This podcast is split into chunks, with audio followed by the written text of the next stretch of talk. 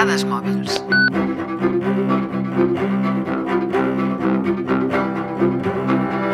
Una de les particularitats dels nens que més curiositat desperta és que no tenen por d'equivocar-se. Canten, ballen, inventen, pinten de color verd el que hauria de ser de color groc, es disfressen i s'equivoquen. Els errors no són sinònim de creativitat, però si no estàs preparat per equivocar-te, mai faràs res original. I després, quan som grans, aquesta capacitat costa bastant més de despertar, mal que ens pesi. No creixem immersos en creativitat, creixem fora de la mateixa, o millor dit, ens eduquen fora.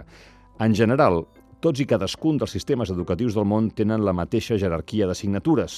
No importa si estem a la Xina, als Estats Units o a França. Matemàtiques i llengua estan a dalt de tot, després humanitats, a la cua trobem les artístiques. I per descomptat hi ha arts amb una cotització més alta que d'altres. Per exemple, la música està per davant de la dansa o del teatre. Segur que hi ha moltes escoles i formadors que fan esforços per donar la volta a aquesta norma, però és innegable que el nostre sistema educatiu apunta als que tenen millors notes, als que entreguen els deures a temps, als preferits del professor que compleixen les normes d'aquest sistema per ser els que acabin tocant l'èxit. I tan important com transmetre coneixements és formar l'esperit crític, aprendre a fer les preguntes correctes, qüestionar el que s'ensenya. Xavier Sala i Martín sempre explica que la principal diferència que troba entre els seus alumnes americans i els catalans és que els d'allà pregunten constantment. Els d'aquí, més aviat, s'amaguen.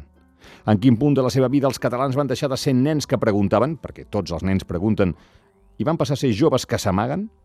No serà que bona part de l'educació ha consistit també a castrar les ganes de preguntar, per exemple, dient allò de «això no es pregunta» o «quina ximpleria de pregunta». Segurament eh, pocs els sonarà Gillian Lin. És una fantàstica coreògrafa responsable d'obres de prestigi com Cats o El fantasma de l'òpera. Lin a l'escola era desesperant. Els professors creien que tenia un trastorn de l'aprenentatge, no, no es concentrava. Avui dia li haurien diagnosticat TDAH, però eren els anys 30 i la mare la va portar a un especialista.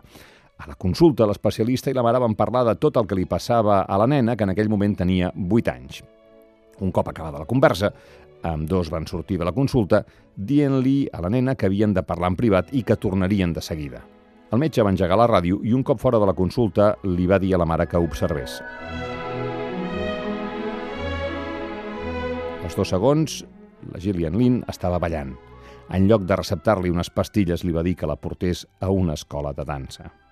Si seguim en un sistema educatiu mundial que es basa en l'estandardització en certa forma en el conformisme i que suprimeix d'arrel tota creativitat, imaginació i individualitat, és molt difícil avançar cap a un món millor.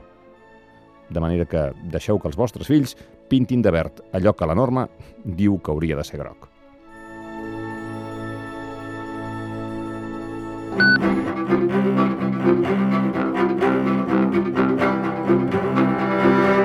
Fins fa poc, els més intel·ligents, avui cada cop que digui intel·ligents penseu que va entre cometes, fins fa poc els més intel·ligents de classe anaven a bones universitats amb altres estudiants brillants. I, és clar, anar a la universitat també anava lligat a l'estatus social i al nivell adquisitiu. Els que arribaven a graduar-se tenien assegurat una feina ben pagada amb el seu propi despatx o cubículum, com a mínim. Els que menys intel·ligents eren anaven a pitjor i alguns suspenien, altres ho deixaven, els que acabaven l'escola no estudiaven res més i trobaven una feina amb un salari, diguéssim que bàsic. Altres tenien formació professional o traien pitjors notes a la carrera i acabaven amb un treball més manual. I és que el sistema acadèmic estava basat, i encara ara, en les habilitats acadèmiques. Per entendre els motius ens hem de remuntar fins abans del segle XIX, on els sistemes d'educació públics estaven ben lligats amb l'època de la industrialització. Per tant, per una banda, les assignatures més útils per treballar eren les primordials – Eh, segurament quan eres petit t'apartaven de les coses que t'agradaven perquè no trobaries feina fent això. Deixa estar la guitarra, que no seràs pas músic, et passes el dia dibuixant, eh, pots fer alguna cosa de profit? Actriu? Vinga, deixa de dir ximpleries i estudia. Per l'època potser eren bons consells, però ara potser són un gran error. Tenim les habilitats acadèmiques com a paradigma d'intel·ligència. I això és perquè les universitats han fet el sistema a la seva imatge i semblança. Si ens fixem, tot el sistema educatiu està pensat com un procés d'entrada a la universitat. La conseqüència és que gent amb talent, eh, creativa, brillant, Potser pensen que no són intel·ligents perquè allò en el que són bons no està valorat a l'escola o fins i tot està estigmatitzat. Segons l'UNESCO, en els pròxims 30 anys hi haurà més gent graduada a través del sistema educatiu que els que hi ha hagut des dels inicis de la història. I això és excel·lent, perquè la universitat és el millor lloc per aprendre i pensar desenvolupar el sentit crític.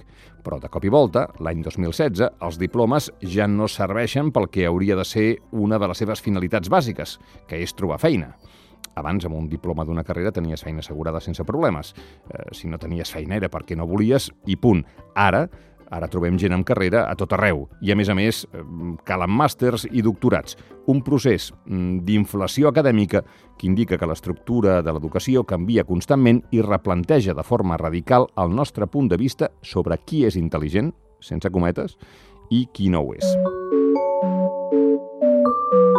Les universitats, amb el seu llast de la burocràcia educativa, haurien de deixar d'obsessionar-se en l'objectiu final de crear un ésser teòricament preparat segons les normes del sistema i pensar més en el viatge, en el que en realitat són i han sigut sempre un lloc on cultivar també les humanitats. El poeta Joan Margarit deia aquest és un temps difícil per les lletres. Els humans som éssers que apareixem en un univers inhòspit. L'ésser humà fa tot el que pot per defensar-se en l'univers gelat, del qual també en forma part la intempèrie moral, que és bàsicament la de la pèrdua.